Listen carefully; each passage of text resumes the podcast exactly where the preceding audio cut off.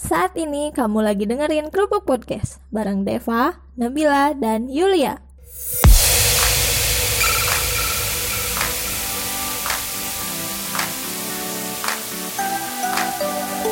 Nah, kali ini kita bakal diskusi nih seputar generasi milenial melek literasi ekonomi. Wow.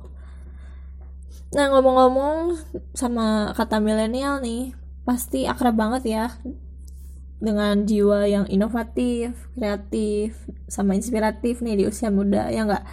Karena uh, generasi milenial ini tuh udah akrab banget gitu sama teknologi. Jadi rasanya milenial yang produktif ini tuh selalu memunculkan ide baru apalagi salah satunya di dalam bidang ekonomi yaitu dengan adanya wirausaha gaya baru melalui startup ya enggak.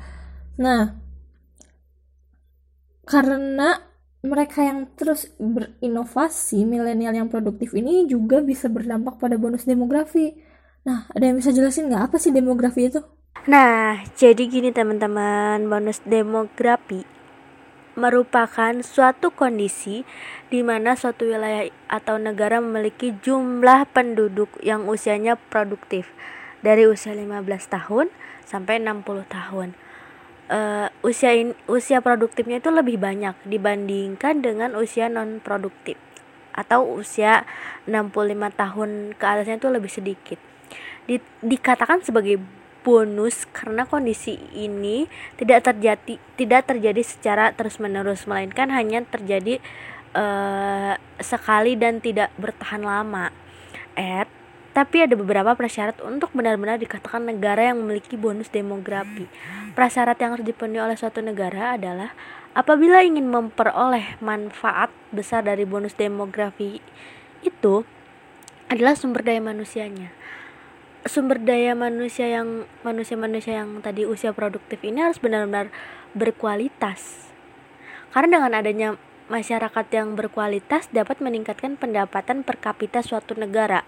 Apabila ada kesempatan e, kerja yang produktif dan yang kedua terserapnya tenaga kerja menjadi faktor penting dalam memanfaatkan bonus demografi. Karena dengan banyaknya banyak dibutuhkannya tenaga kerja, maka pengangguran akan berkurang. Dan kesejahteraan rakyat tentu saja akan meningkat pesat dong.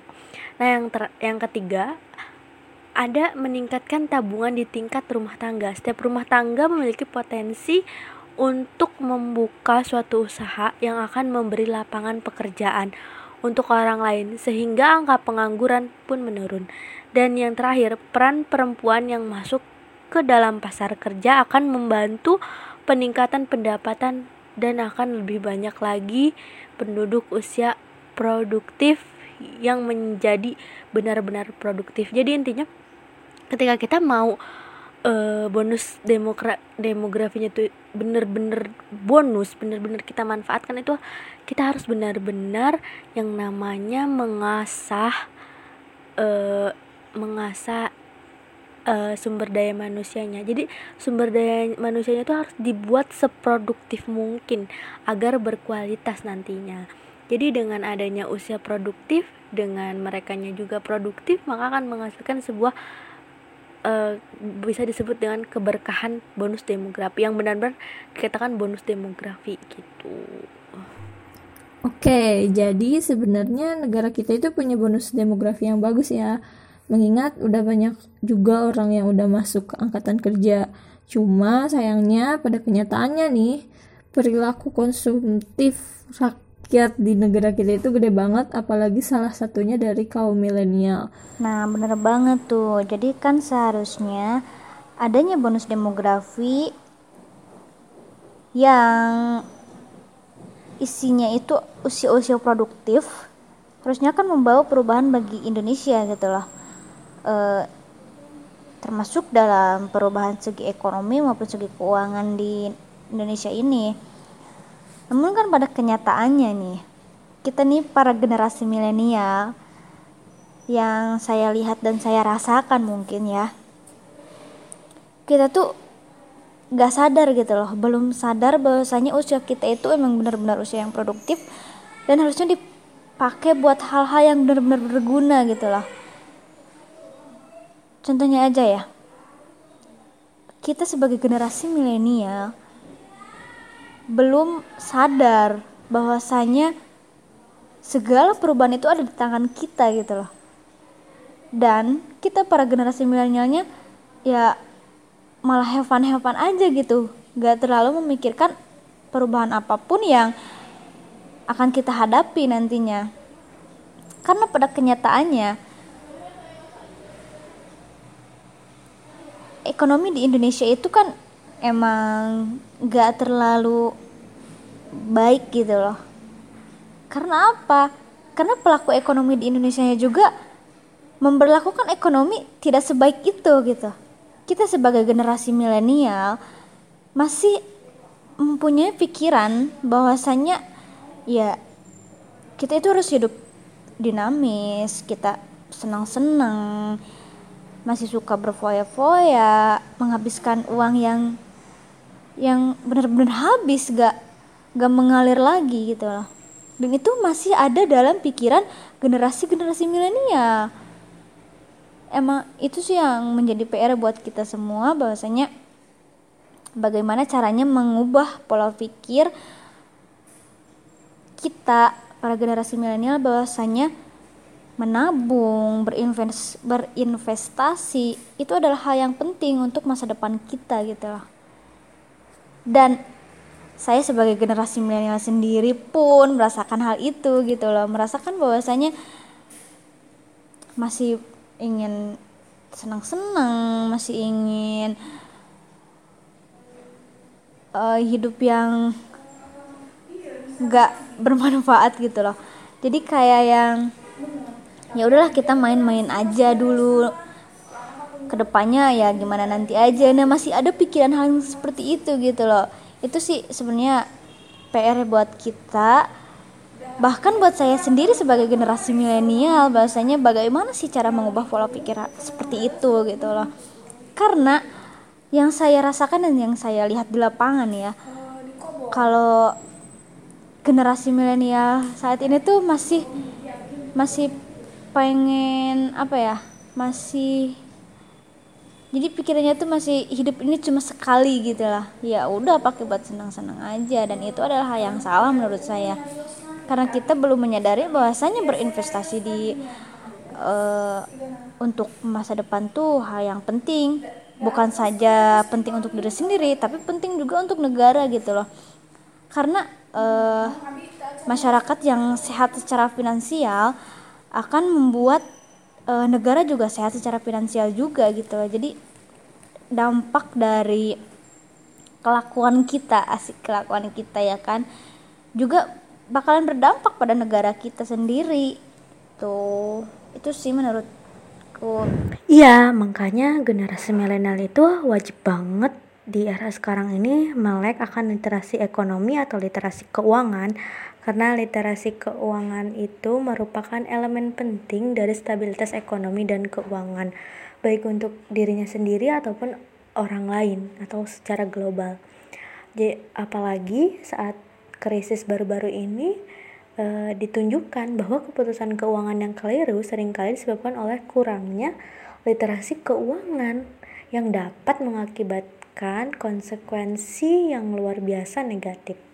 Dan yang paling mengejutkannya adalah ketik, uh, hasil su survei dari Otoritas Jasa Keuangan OJK yang mencatat bahwa dari 100 orang hanya 38 orang yang memiliki pengetahuan tentang keterampilan dan kepercayaan yang memadai mengenai produk dan layanan jasa keuangan.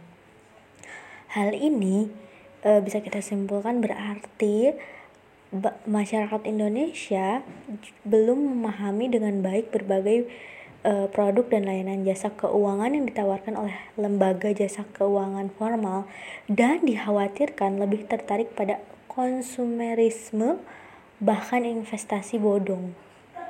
Jadi generasi muda ini sangat ber berpengaruh menciptakan perekonomian negara yang stabil. Ketika uh, para generasi milenial ini sangat melek ekonomi maka e, mereka bisa menstabilkan perekonomian Indonesia. Seperti itu. Ya benar banget sih itu. Harusnya kan mm, dengan adanya bonus demografi ini harus juga ada perubahan yang signifikan gitu loh bagi Indonesia. Ya di antaranya dapat meng mengurangi angka kemiskinan kemudian lebih mensejahterakan masyarakat Indonesia itu sendiri gitu loh karena apa karena itu tadi bonus demografi itu kan usia-usia yang produktif usia-usia yang harusnya kita itu berpikir bagaimana caranya melakukan perubahan entah itu dari segi keuangan, segi ekonomi maupun yang lainnya agar apa? Agar kesejahteraan dalam negeri kita itu dapat berubah gitu, berubah menjadi lebih baik seperti itu. Nah, maka dari itu eh, generasi milenial itu benar-benar perlu gitu, benar-benar harus ngerti literasi ekonomi itu seperti apa dan harus bagaimana kita menghadapinya gitu loh. Bagaimana kita menghadapi dan bagaimana cara kita bergerak gitu loh dalam uh, perubahan untuk Indonesia itu sendiri. Uh, karena seperti yang telah kita ketahui dan seperti yang telah kita rasakan bahwasanya keuangan generasi milenial itu uh, keuangan dalam segi menabungnya itu masih sedikit ya. Maksudnya itu uh, dalam berpikir ke masa depannya itu masih masih rendah gitu loh. Bagaimana berpikir menabung untuk masa depan berinvestasi untuk masa depan itu generasi milenial itu masih masih rendah gitu. Pikirannya kesannya itu masih rendah gitu loh. Maka dari itu uh, adanya edukasi sebenarnya sih.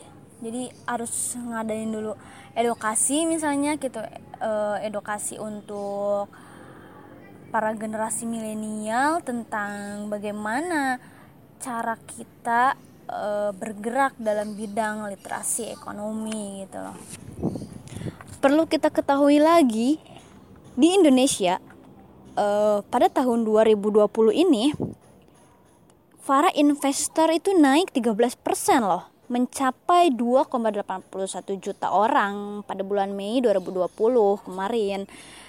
Nah, ini tuh kayak jumlah yang uh, besar gitu loh. 2,81 juta itu kayak jumlah yang besar, jumlah investor yang besar bagi Indonesia dan kita bakalan berpikir bahwasanya adanya para investor ini dapat meningkatkan keuangan negara kita gitu loh. Tetapi yang perlu kita ketahui bahwasanya 2,81 juta orang ini tidak sebanding dengan jumlah masyarakat yang ada di Indonesia. Berapa sih jumlah masyarakat yang ada di Indonesia kita itu?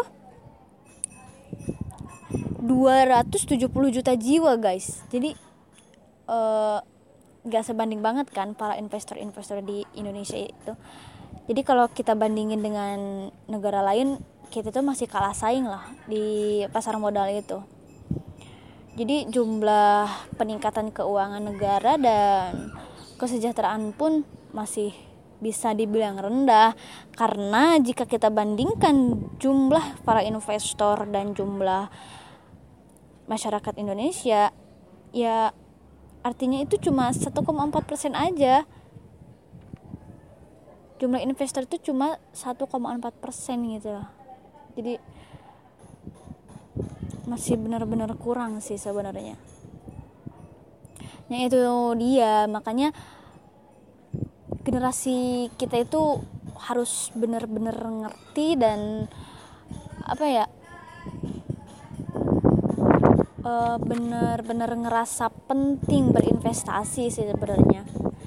Karena investasi itu apa ya jadi kayak yang ya udah itu buat masa depan kita buat kita buat kita sendiri juga kan berinvestasi itu.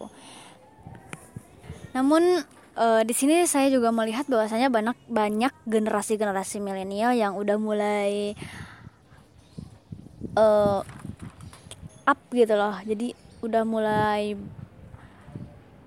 merencanakan kehidupan masa depannya kita bisa lihat banyak pelaku-pelaku bisnis yang masih usia-usia produktif gitu loh jadi secara tidak langsung ya mereka itu sudah mulai memanfaatkan usia keproduktifannya. Kita bisa lihat sendiri e, bagaimana cara para generasi milenial itu memanfaatkan media sosial gitu loh.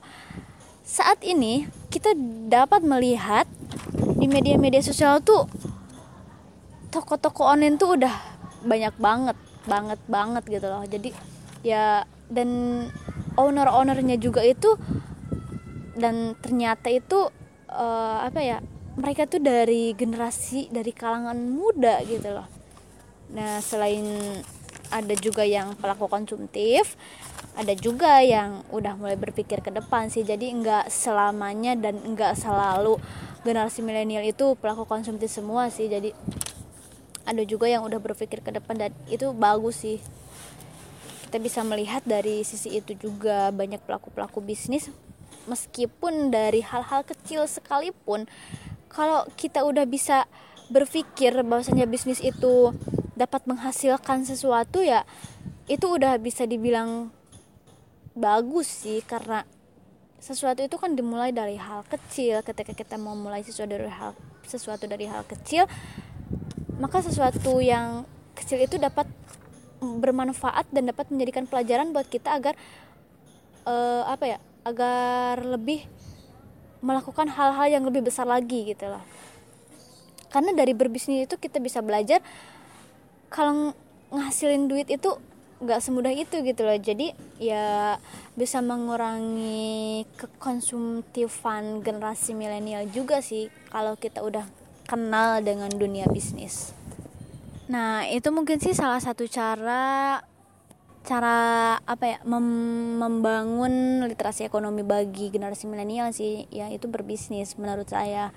Nah, di sini juga ada beberapa poin penting yang harus disiapkan oleh para milenial untuk menghadapi bonus demografi ya. Yang pertama, kita harus memiliki tabungan terpisah. Jadi ketika kita memiliki tabungan terpisah itu, kita punya posnya masing-masing. Karena untuk memiliki satu penyimpanan tabungan saja nggak cukup. Itu perlu dibagi beberapa pos. Seperti khusus untuk kebutuhan, investasi, dana darurat, amal, dan selebihnya untuk keinginan pribadi kalian. E, hal ini supaya kita nggak ngambil tabungan yang nggak sesuai pada tempatnya, pada kebutuhannya. Jadi nggak rentan nggak rentan karena bergantung pada satu pos. Jadi kalau kita misalnya mau tabungan investasi investasi mau untuk amal amal mau untuk ibadah atau kebutuhan pribadi lainnya itu udah ada tempatnya masing-masing. Jadi nggak nggak akan kacau gitu pengaturan keuangannya. Dan yang paling penting yang kedua ada kita harus sediakan dana darurat jadi sebelum kita memulai investasi khususnya kita harus prioritaskan dulu untuk dana darurat agar apabila terjadi pengeluaran yang sifatnya mendadak gak mengganggu tabungan yang utama. Yang ketiga, para milenial ini harus banget belajar yang namanya investasi. Dua hal yang penting dalam investasi adalah modal sama pemahaman.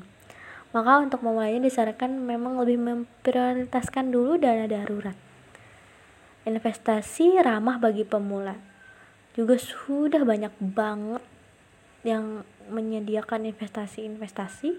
Salah satunya investasi emas yang dinilai uh, lebih stabil dan dapat digunakan untuk jangka panjang. Dan kita juga harus yang keempat itu memiliki catatan terperinci karena ini penting banget untuk kita memulai catatan terperinci hmm, apa e, kita harus memulai untuk catatan terperinci terutama untuk pengeluaran dan utang. Memiliki catatan terperinci juga dapat e, mendorong kita untuk lebih mengurangi keinginan membelanjakan hal yang tak perlu dan mengurangi sifat impulsif. Yang ke yang terakhir ada kita hindari utang konsumtif. Gaya hidup konsumtif membuat hidup kita terlena, apalagi jika kita punya prinsip you only live once. Usahakan untuk tak memiliki utang konsumtif karena sifatnya justru manfaatnya akan semakin berkurang apalagi jika hanya memenuhi gaya hidup aja gitu ya. itu beberapa hal atau poin penting yang harus disiapkan para milenial untuk memasuki bonus demografi dan bersiap-siap untuk belajar literasi keuangan. Nah, gimana sih caranya untuk melek literasi keuangan? Yang pertama ya perlu banget kita sadar, sadar bahwa uh, literasi keuangan itu perlu. Maka kita kalau kita udah sadar, dengan kesadaran diri sendiri ya udah pasti kita juga akan belajar nah dari terus yang ke uh, di sini juga ada belajar dari wirausaha atau bisnis jadi kita harus memulai wirausaha dan ketika kita wirausaha tapi uangnya langsung dibelanjakan untuk kebutuhan kita itu akan rahasia sia tapi kalau kita investasi lagi kita olah lagi keuangan itu makan akan lebih uh, seperti dua kali lipat gitu lebihnya jadi kesimpulannya jauhi perilaku konsumtif dan mulailah berproduktif. Karena apa? Karena perubahan-perubahan yang ada di negara Indonesia tergantung dari generasi milenial itu sendiri. Negara yang sejahtera, masyarakat yang sejahtera, karena adanya perubahan yang dilakukan oleh para generasi-generasinya. Maka dari itu mulailah kita merubah bentuk segala kekurangan yang ada di negara kita ya baik itu secara finansial dan maupun yang lainnya karena ini akan berdampak kepada masa depan kita sendiri gitu jadi mulai sekarang generasi milenial itu harus benar-benar melek literasi ekonomi. Dan harus mulai sadar bahwasanya uh, finansial itu benar-benar sangat penting di masa depan nanti. Baik itu untuk negara maupun untuk individual gitu loh. Karena ini untuk siapa? Ini untuk kita. Untuk kita gitu loh. Jadi yuk mulai berproduktif oke? okay?